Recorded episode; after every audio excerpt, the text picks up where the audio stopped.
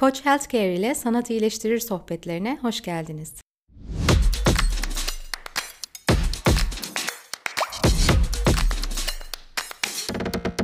Koç Healthcare'in sunduğu Sanat İyileştirir podcast serisine hoş geldiniz. Bugün muhteşem bir konuğum var çünkü ülkemizin 100 yıllık tarihinde sanat sayfalarına imzasını atmış olan İstanbul Kültür Sanat Vakfı'nın e, İstanbul Müzik Festivali Direktörü Efruz Çakırkaya'yı ağırlıyorum. Hoş geldiniz. Hoş buldum. Çok teşekkür ederim. Sağ olun. Nasılsınız? Ee, çok iyiyim. Heyecanlı mıyız? Evet. Geri sayım başladı bizim için. Ee, Çok 1 güzel. Haziran itibariyle bu yıl e, 51. e, festivalimizi gerçekleştireceğiz. 1-17 Haziran tarihleri arasında. E, her sene tabii ayrı bir heyecan. E, sanki her sene e, ilk kez yapıyormuşuz e, heyecanında oluyoruz. Hepsinin ötesinde tabii bu yılın çok e, önemli bir özelliği var biliyorsunuz. Cumhuriyet'in 100. yılını kutluyoruz. E, bu bağlamda bizim de festival programımızda çok özel projelerimiz var. Zaten Büyük şöyle bir ben- kutlama yılı. Evet ya programa baktığım zaman şu an 18 farklı mekanda 25 konser görüyorum. 60'ın üzerinde değerli ismin ağırlandığı bir festivalden bahsediyoruz ve bu festival sırasında 8 dünya premieri, 4 de Türkiye premieri var. Herkes heyecanla bekliyor gerçekten. Ama bunun ötesinde şimdi ben festivalle ilgili haberleri herkes bekliyor ama ben biraz Efrus Hanım'ı tanımak istiyorum. Tamam. Efrus Hanım kimdir? Ee, biliyorum sizin sanatla ilişkiniz çok ötelerden başlıyor aslında. Bir kendinizi tanıtır mısınız bize? Tabii ki. Ee, Ankaralıyım. Ee, on- Adapte oldunuz mu İstanbul'a? e, 15 yıldır İstanbul'da yaşıyorum artık. Ee, evet burası benim şehrim oldu diyebilirim. Ee, İtalyan Dili ve Edebiyatı okudum üniversitede Ankara Üniversitesi Dil ve Tarih Coğrafya Fakültesinde. Sonra e, İtalya'da e, yüksek lisansımı yaptım dil ve iletişim üzerine. E, fakat tabii klasik müzik her zaman çok büyük bir tutkuydu benim için.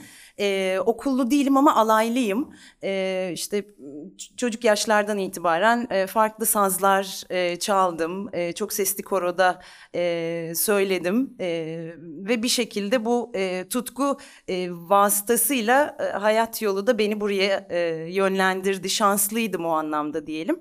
E, İtalya'dan döndükten sonra e, Ankara'da Bilkent Senfoni Orkestrası'nda aslında meslek hayatıma başladım.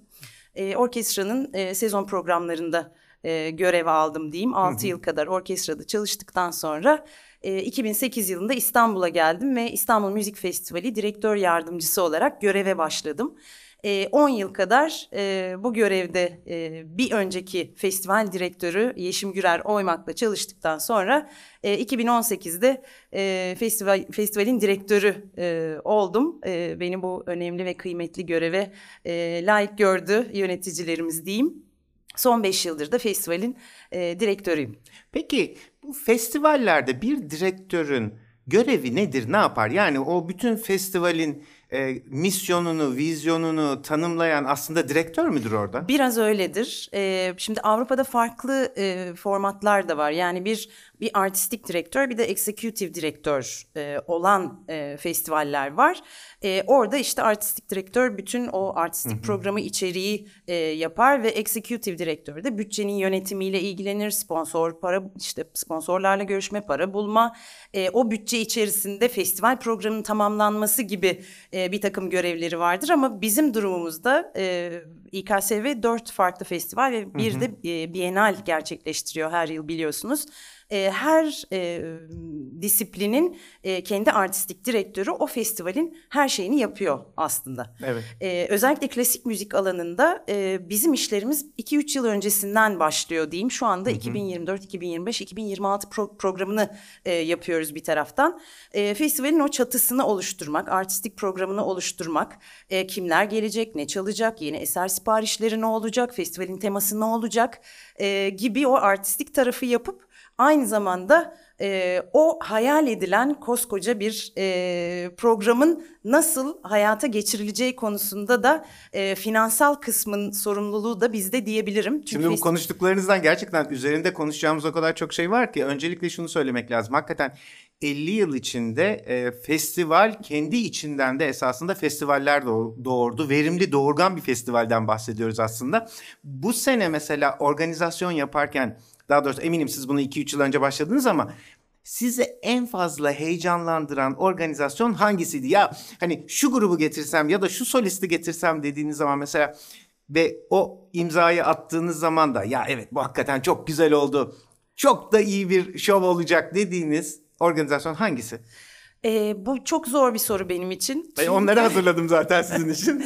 ya çünkü programdaki her şey benim için çok özel. Hepsinin ayrı e, emek e, ve hayal var içerisinde hı hı. diyelim. E, şimdi başta sizin de söylediğiniz gibi çok fazla yeni eser var. Hı hı. E, bu kısım çok heyecan verici bence. E, çünkü özel eser siparişleri e, verdik ve bu eserleri aslında biz de izleyiciyle ilk kez o konserde izliyoruz. Hmm. E, dolayısıyla o sıfırdan başlama aşamasından sahnede seslendiriliş kısmına gelene kadarki e, süreci takip edip orada o büyük olayı yaşamak tabii ki çok e, heyecan verici e, bir şey. Şimdi bu sene e, pek çok yeni eser var. Bunlardan bir tanesi e, Fazlı Say'a verdiğimiz e, Dünya Anne. Evet. Ee, şimdi bu eserde biraz tabii o Cumhuriyet e, kutlamalarına gönderme yapan bir içerik var diyelim.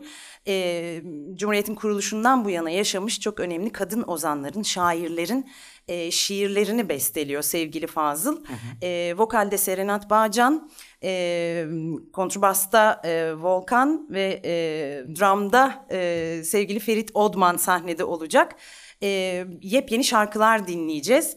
E, bunun dışında e, Bimboğalar Efsanesi beni çok heyecanlandıran hı hı. bir proje. E, çünkü e, Yaşar Kemal benim de çok sevdiğim bir e, yazarımız, Türk yazarımız. E, Amerikalı besteci Michael Ellison'ın da kendisine karşı çok büyük bir e, aşkı ve e, zaafı var diyelim. E, daha önce kendisiyle Deniz Küstü romanını e, benzer bir formatta e, sahne eseri olarak uygulatmıştık. Bu sene de Bimboğalar Efsanesi e, destansı romanı bir müzikli tiyatro olarak e, sahne alacak. E, bu işin içerisinde böyle bir takım işte e, vizüel e, işler de olacak. Sahne dekorları e, dijital olarak yer alacak. Dans olacak işin Anladığım içerisinde. kadarıyla dinleyicileri ve izleyicileri aynı zamanda gerçekten tam bir show bekliyor aslında evet, bakarsanız. Evet çok büyük bir... Multidisipliner, bir iş diyelim. Multidisipliner bir iş. Bu arada tabii düşündüğüm zaman şöyle siz organizasyonu illaki 2-3 yıl önce yapıyorsunuz. Çünkü işte büyük solistlerin ve grupların o dünya turnelerinin içine girmek ancak gerekiyor ve anca yer bulunur evet. belki de. Ee, burada şimdi biz bazen aramızda bilimsel dedikodu yaparız da hadi gelin biraz sanat dedikodusu yapalım sizle. En çok zorlandığınız organizasyon hangisi oldu peki? Düşünüyorum. Um, Açıklamıyoruz acaba, peki. Acaba e, yani şöyle söyleyeyim şimdi bu yılın çok önemli sürprizlerinden bir tanesi Anne Zofie Mutter'in tekrar Türkiye'ye geliyor olması. E, festivalin 40. yılında kendisini İstanbul'da ağırlamıştık e, gerçekten yaşayan bir efsane Anne Zofie Mutter. Çok önemli bir keman virtüözü ve bu sene 60. yaşını kutluyor ve çok büyük bir dünya turnesi e, gerçekleştiriyor. Hmm. E, onun tabii Türkiye'ye gelmesi çok büyük bir olay e, ve bu e, projenin yazışmaları da çok 3 e, yıl öncesinden başladı ve e, tabii bu kadar büyük bir ismi getireceğiniz zaman e, büyük bir riske de giriyorsunuz. Doğru. Çünkü çok büyük bir e, finansal bir kaynak lazım o işin evet. arkasında. E, acaba o sponsoru bulabilecek miyiz? Bu iş olacak mı? E, işte o turne ayağına İstanbul eklenecek mi? E, gibi bir e, evet. stresle geldik ama e, olacak ve bu sene festivalin yaşam boyu başarı ödülünü de e, kendisine takdim edeceğiz çok konserinden güzel. önce. E, bu konserde beni çok çok heyecanlandıran e, projelerden bir tanesi. E, çok büyük hayranlık duyduğum bir isim kendisi. Harika. Şimdi sizinle ilgili yapılmış bazı röportajları okuduğum zaman şöyle söylüyorsunuz. Diyorsunuz ki aslında bizim biletlerden elde ettiğimiz gelir bu organizasyonun en fazla yüzde yirmisini aslında karşılıyordur. Yüzde seksenini biz bir şekilde bulmak zorundayız. Burada da sponsorluklar devreye giriyor. Doğru. Ee, biz de son beş yıldır festivalin sponsorlarındanız. Mutlulukla da devam ediyoruz. Umarım uzun yıllarda devam ederiz. E, sponsorluğun biraz önemini sizden dinleyebilir miyiz? Yani burada gerçekten e, sponsor olmadan bu işlerin ilerlemesi çok da kolay değil. Bunu biliyoruz aslında ama hadi gelin biraz altını çizelim. Elbette. Çok kolay değil, imkansız. Hı hı. Baştan bunu söylemek istiyorum. E, şimdi bu sene e, 51. yılımızı kutluyoruz ve geçen sene 50. yılda... E, bizlere hep sorulan e, bir soruydu bu işte İstanbul Kültür Sanat Vakfı yarım asırdır e, bu ülkede aralıksız etkinlikler düzenliyor ve e, 50 yıl gerçekten bu anlamda evet. e, sürdürülebilirlik anlamında çok kıymetli. İşte İKSV'nin İstanbul Müzik Festivali'nin sırrı ne? diye soruyorlar. E, ben burada iki önemli şeye dikkat çekiyorum e, ve bunların çok gerçekten çok kıymetli olduğunu düşünüyorum. E, bir tanesi kurum kimliği. Vakfın e, yarım asırdır süren bir e, kurum kimliği var ve vakıfta çalışan, festivallerde görev alan herkes yaptıkları işe büyük bir tutkuyla bağlılar. Hı hı. Öncelikli olarak tabii bu sürdürülebilirlik anlamında çok önemli bir şey. Fakat bunun dışında asıl önemli olan şey tabii ki bu etkinlikleri gerçekleştirebilmek için bize destek veren sponsorlar, destekçiler, e, Lale Kart üyelerimiz ve elbette izleyiciler. Hı hı. E, onların desteği olmadan bunların gerçekleştirebil gerçekleştirilebilmesine gerçekten imkan hı hı. yok. E, bu anlamda Amerikan Hastanesi'ne çok çok teşekkür ediyoruz. Beş yıldır yanımızdasınız. Bize güven veriyorsunuz. E, biz de aslında bu desteği bilerek o güvenle bir hayal kuruyoruz ve o hayali e, gerçekleştirme noktasında da sizin e, varlığınız çok çok önemli. Çok e, bu biraz aslında şöyle de söylemek lazım. E, tıpkı vakıfta çalışan o ekiplerin işte bir e, ortak tutkuyla ve ortak e, e, ruh birliğiyle hareket etmesi gibi tüm sponsorların ve destekçilerin e, bir e, vakıfla e, sağladığı bir e, ten uyumu mu diyelim, gen uyumu mu diyelim. E, bu da olduğu zaman gerçekten e, uzun yıllar devam ediyor ve e, karşılıklı e, çok güzel işler ortaya çıkıyor. E, bu anlamda da e, gerçekten destekler çok kıymet, kıymetli. Bir kez daha teşekkür etmek istiyorum. Biz teşekkür Amerikan ederiz. E, ama şunu da söylemek lazım yani festival gerçekten o kadar prestijli bir noktaya geldi ki artık İstanbul Festivali dendiği zaman İstanbul Müzik Festivali olsun veya İKSV gerçekten sanat camiasında prestiji çok yüksek bir festival ve vakıf oldu. E, ben hep şöyle düşünüyorum hani İstanbul çok kültürü barındıran bir e, şehir adına yakışır bir biçimde festivalleri de gerçekten öyle yani çok farklı türlerden müzikler, e, oyunlar bunların hepsini gerçekten festivaller sırasında görebiliyoruz. Siz bunu organize ederken mesela evet bu yaptığımız işin adı zaten İstanbul Müzik Festivali. Burada İstanbul'un da o vizyonunu yansıtalım diye düşünüyor musunuz? Tabii ki. Geçtiğimiz yılda e, 50. yılımızda festivalin teması İstanbul'du. E, çünkü e, gerçekten çok renkli, çok sesli, çok kültürlü, müthiş bir şehirde yaşıyoruz. E, herkese ilham veren bir şehir burası. Sadece müzisyenlere, sanatçılara değil, bu şehirde yaşayan herkese ilham veriyor. E, dolayısıyla burada bir e, kimlik var aslında. Bir İstanbul markası var hı hı. ve yarım asırdır da bu markanın altında e, gerçekleştirilen kültürel etkinlikler var. E, biz de tabii bu e, markayı olabildiğince öne çıkarmaya çalışıyoruz. Özellikle İstanbul Müzik Festivali'nin e, çok önemli bir alameti farikasıdır. Hı hı. E, her sene e, mutlaka e, İstanbul'un kültürel mirasına dikkat çekmek amacıyla e, yepyeni daha önce kullanılmamış tarihi mekanlarda konserler organize ediyoruz. Ve inanır mısınız bakınız 51. senedeyiz. Evet. Bu yıl e, dahi yani 51. senede dahi daha önce hiç kullanmadığımız yeni mekanlar bulduk. Yani İstanbul hmm. müthiş bir sahne bu anlamda ve her sene bize kucak açıyor. Ee, biz de tabii oradan aldığımız ilhamla e, her sene e, izleyicilere, sanatseverlere, müzikseverlere e, güzel içerikler sunmaya çalışıyoruz. Burada da bence çok başarılısınız. Bir de şunu da eklemek lazım. Bu festivalin bence görevlerinden bir tanesi de müziği özellikle de klasik müziği topluma sevdirmek ve topluma yaygınlaştırabilmek aslında. Bunun açısından baktığım zaman ben mesela açık hava konserlerinin çok etkili olacağı kanaatindeyim ve sizin de program içinde bu tür organizasyonlarınız var gerçekten. Bu konuda ne demek istersiniz?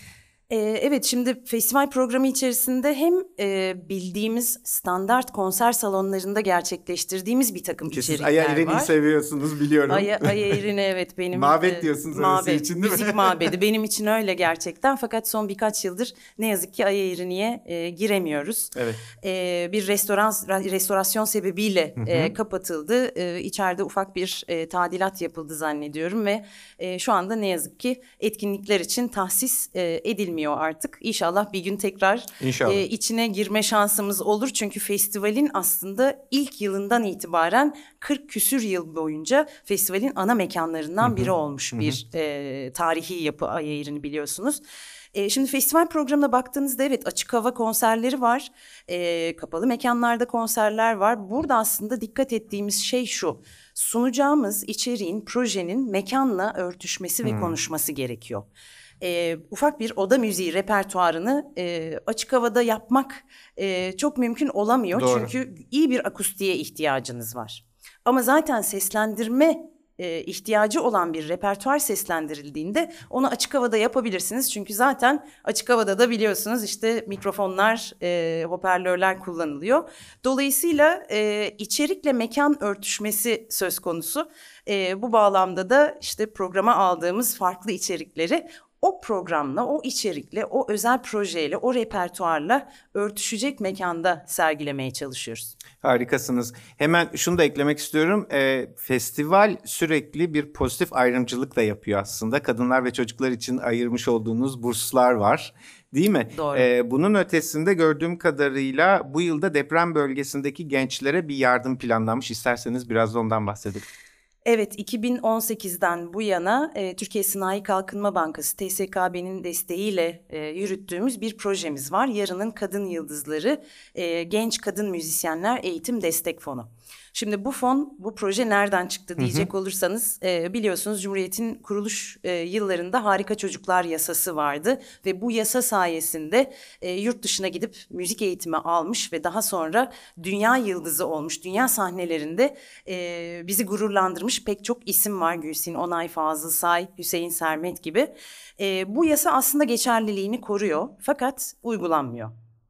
E, ve bize her sene e, çok fazla başvuru gelirdi. İşte yurt dışında çeşitli önemli müzik okullarından kabul almış, orada e, eğitimine devam ettirmek isteyen müzisyenlerin burs arayışları oluyor. Fakat e, bu anlamda klasik müzik dalında eğitim bursu veren e, kurumlar bir elin maalesef beş parmağını geçmiyor. Bu anlamda biz ne yapabiliriz diye düşünürken TSKB ile güçlerimizi birleştirdik.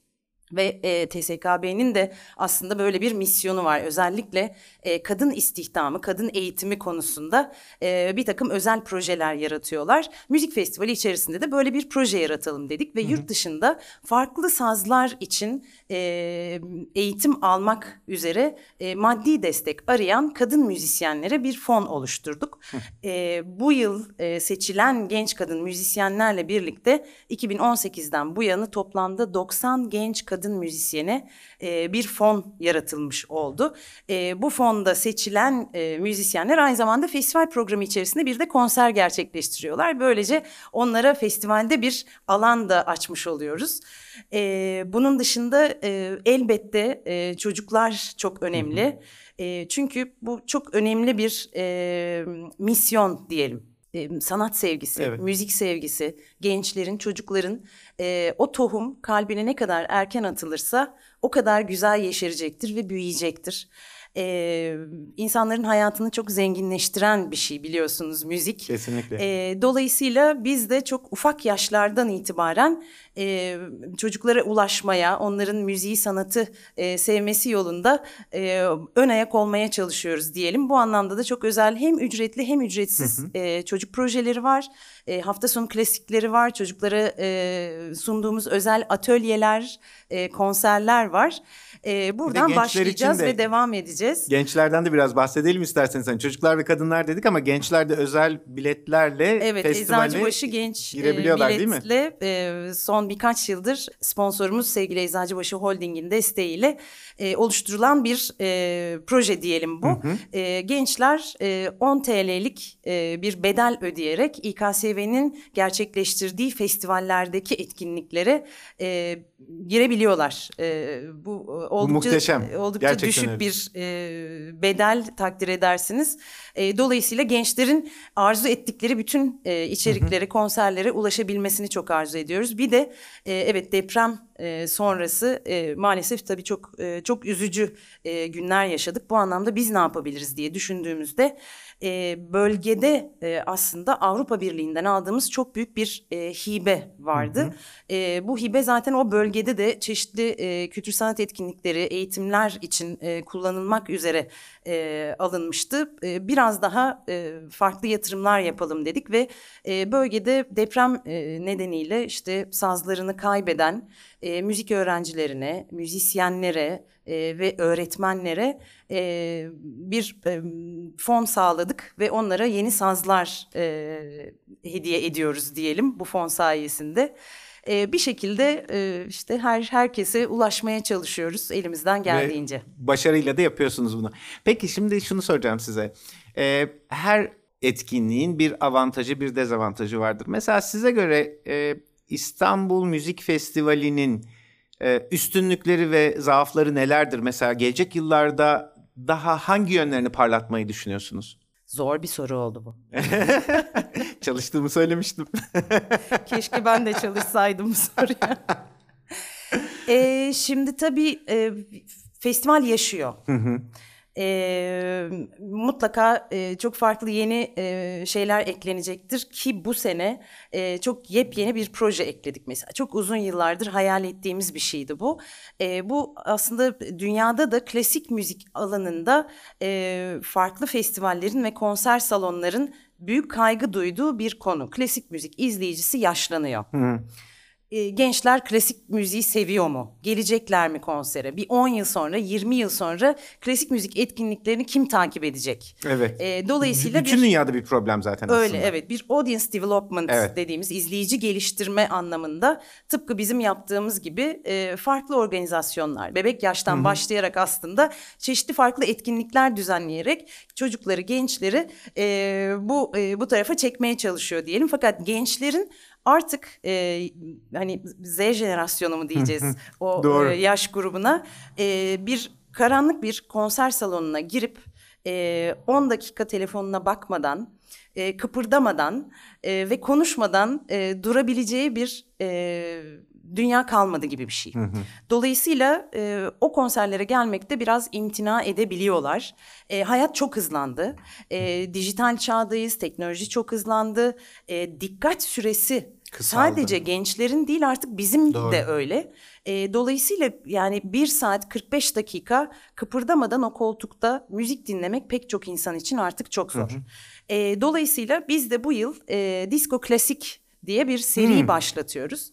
E, Babilon'da olacak bir konser bu. İstanbul'un her yıl farklı gece kulüplerinde e, sergilenecek konserler Bakın bu bunlar. çok enteresan gerçekten. E, evet gençleri bekliyoruz bu evet. konserlere. Çünkü bu konserlerde de e, şimdi e, tabii klasik müzik sadece e, izleyici tarafında değil e, o müziği seslendiren müzisyenler alanında da tabii farklı bir jenerasyon da geliyor arkadan. Hı hı. Ve bu gençler e, sadece Schubert, Beethoven çalmak istemiyorlar o ekolden geliyorlar. Bunun eğitimini alıyorlar ama farklı müziklere de çok ilgi duyuyorlar. Dolayısıyla e, şöyle bir ekol var dünyada. E, elektronik altyapı üzerine e, canlı e, klasik müzik çalmak. E, biz de e, bunu birleştirelim dedik e, ve e, bu tarz e, içeriklerin sunulacağı gençlerin böyle bir gece kulübüne girip ayakta işte o, e, Havasını, o atmosferine atmosfere girip, girip işte içkilerini yudumlayıp dans edebilecekleri. e, klasik müzik içerikleri sunacağız. Yani festival kendini yeniliyor sürekli gerçekten. Sürekli bu, yeniliyor bu, bu, ve yenilemeye de devam bence. edecek. Şimdi Murat Aksoy Smetana'nın Moldau eserini duyduğu zaman o senfonik şiirle beraber bir yerlere taşınır e, bu dünyadan kopar. Efrus Hanım'ın böyle bu dünyadan e, koptuğu, tamamen hayal dünyasında seyrettiği bir eser var mı? En sevdiği eser hangisidir? E, tabii tıpkı festival programındaki konserleri, içerikleri ayıramadığım gibi sevdiğim eserleri ayırmam da çok zor. E, hem senfonik hem oda müziği e, eserleri var çok sevdiğim. Özellikle Brahms'ın oda müziği eserlerini e, tutkuyla bağlayayım diyeyim. E, fakat her dinlediğimde e, ya da böyle kendimi her sıkışmış hissettiğimde bana güç veren e, bir eser var. E, mümkünse e, yani cenazemde de benimle vedalaşırken Aman, keşke lütfen. bu çalınsa diyebileceğim çünkü e, çok e, içime dokunan bir eser. Hı hı, merak e, ettim şimdi. Verdi'nin e, Nabucco operasının hmm. üçüncü perdesinde e, bir koral e, bölüm vardır. E, Musevi kölelerin e, söylediği e, onların bir baş kaldırısı ve e, memleketlerine duydukları özlemi anlatan Va Pensiero e, diye bir bölüm vardır. E, bu eser gerçekten e, benim için çok çok kıymetli bir eser.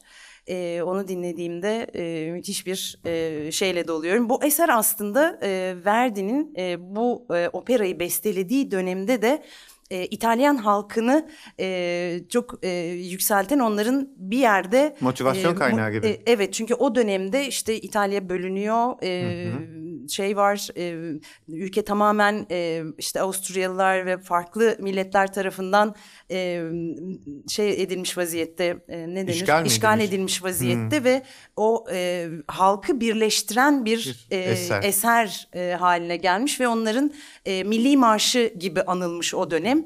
E, dolayısıyla e, güçlü bir e, eser diyebiliriz. Ben de çok seviyorum. Dinlemekten çok hoşlanıyorum. Şimdi ben bir yandan doktorluk yaparken bir yandan hobi olarak müzikle uğraşıyorum. Ee, bir grubunda solistliğini yapıyorum ve ben hep şöyle diyorum yani ben hastaları tedavi ediyorum müzik de beni tedavi ediyor. Bizim podcast serimizin de adı biliyorsunuz sanat iyileştirir. Ee, sanat size göre nasıl iyileştirir? Ee, şimdi sanattan önce müzik nasıl iyileştirir kısmının Olur, e, çok bilim çok bilimsel e, tarafları da var. Siz Doğru. de gayet iyi biliyorsunuz. Pek çok bilimsel araştırmalar e, yapılıyor bu anlamda.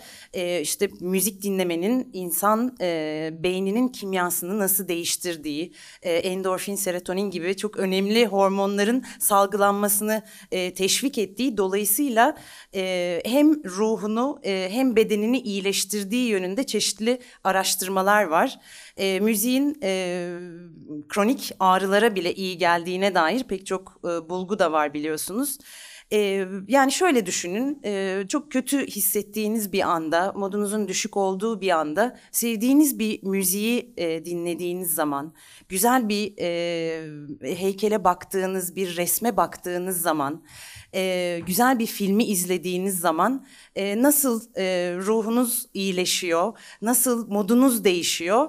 E, bu bence en büyük kanıtı.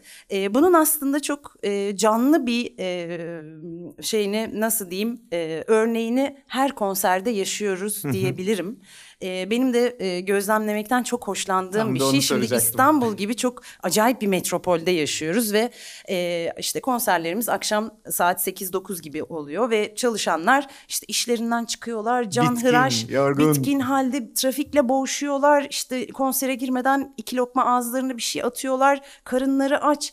İşte o girişteki e, hallerini göz, gözlemliyoruz. İşte yani yeri geliyor e, işte birbirlerini itiyorlar böyle bir tartışma ortamı bile oluyor. İşte orası benim yerim şurası senin yerin falan. Bir şey bir hani bir gergin bir e, şeyle başlıyor mesela o konser ve e, genelde ben konserlerde sahneye yakın bir yerde hem sahneyi hem de izleyicilerin yüzünü görebileceğim bir noktada durmayı çok seviyorum. Çünkü e, izleyicilerin başlayan müzikle birlikte o gevşeyen yüz kaslarını o kapanan gözleri, hafif böyle sağa eğilen başları, tutulan elleri falan görüyorsunuz ve oradaki o değişimi o kadar net gözlemliyorsunuz ki ve konserin bitiminde de herkes pamuk gibi oluyor. o zaman bakın şöyle yapalım. Festivalde sizle beraber bir bilimsel çalışma yapalım. Yapalım. Öncesinde stres algısını alalım bütün dinleyicilerin. Bir de konser sonrasında stres algısını ölçelim. Objektif de bir kriter. Bakalım düşüyor mu? Gerçekten ben de düştüğüne inanıyorum bunun. Kesinlikle düşüyor. Kesinlikle düşüyor. Çünkü o konser salonundan herkes böyle bir 20 santim olarak. havada çıkıyor aslında konser salonlarından. Ee, bunu gözlemlemek de gerçekten bunun e, benim tarafımda en büyük kanıtı diyebilirim. Çok doğru dediniz aslında müzik iyileştirir zaten bizim kültürümüzde de olan bir şey. Belki de müzik tedavisi dünyada en sık ve ilk uygulanan kültürlerden biriyiz biz. Ee, şunu söylemek lazım gerçekten her geçen gün müziğin tedavi edici özelliğiyle ilgili birçok bilimsel çalışmada çıkıyor ve sizler e, İstanbul Kültür Sanat Vakfı olarak ve İstanbul Müzik Festivali olarak bizi yıllardır iyileştiriyorsunuz. Çok teşekkür ediyorum. Bugün özellikle size teşekkür ediyorum Sayın Efrus Çakırkaya. Bize değerli vaktinizi ayırdığınız bu sıkışık dönemde harikasınız. Emekleriniz için çok teşekkür ediyoruz. Çok teşekkür ederim. Benim için bir zevk. Ee, siz doktorlar bizi iyileştiriyorsunuz. Bizler de sizleri ve tüm müzik severleri iyileştiriyoruz diyelim. İyi ki sizler de varsınız. İyi ki Amerikan Hastanesi var. Ee, çok teşekkür ediyoruz desteklerinize. Ee, işbirliğimizin ve e, dostluğumuzun uzun yıllar devam etmesini diliyorum. Sağ olun, var olun. Sizler var olun. Efendim bugün bizi dinlediğiniz için çok teşekkür ediyoruz. Bir başka Sanat İyileştirir podcastında buluşmak üzere. Hoşçakalın.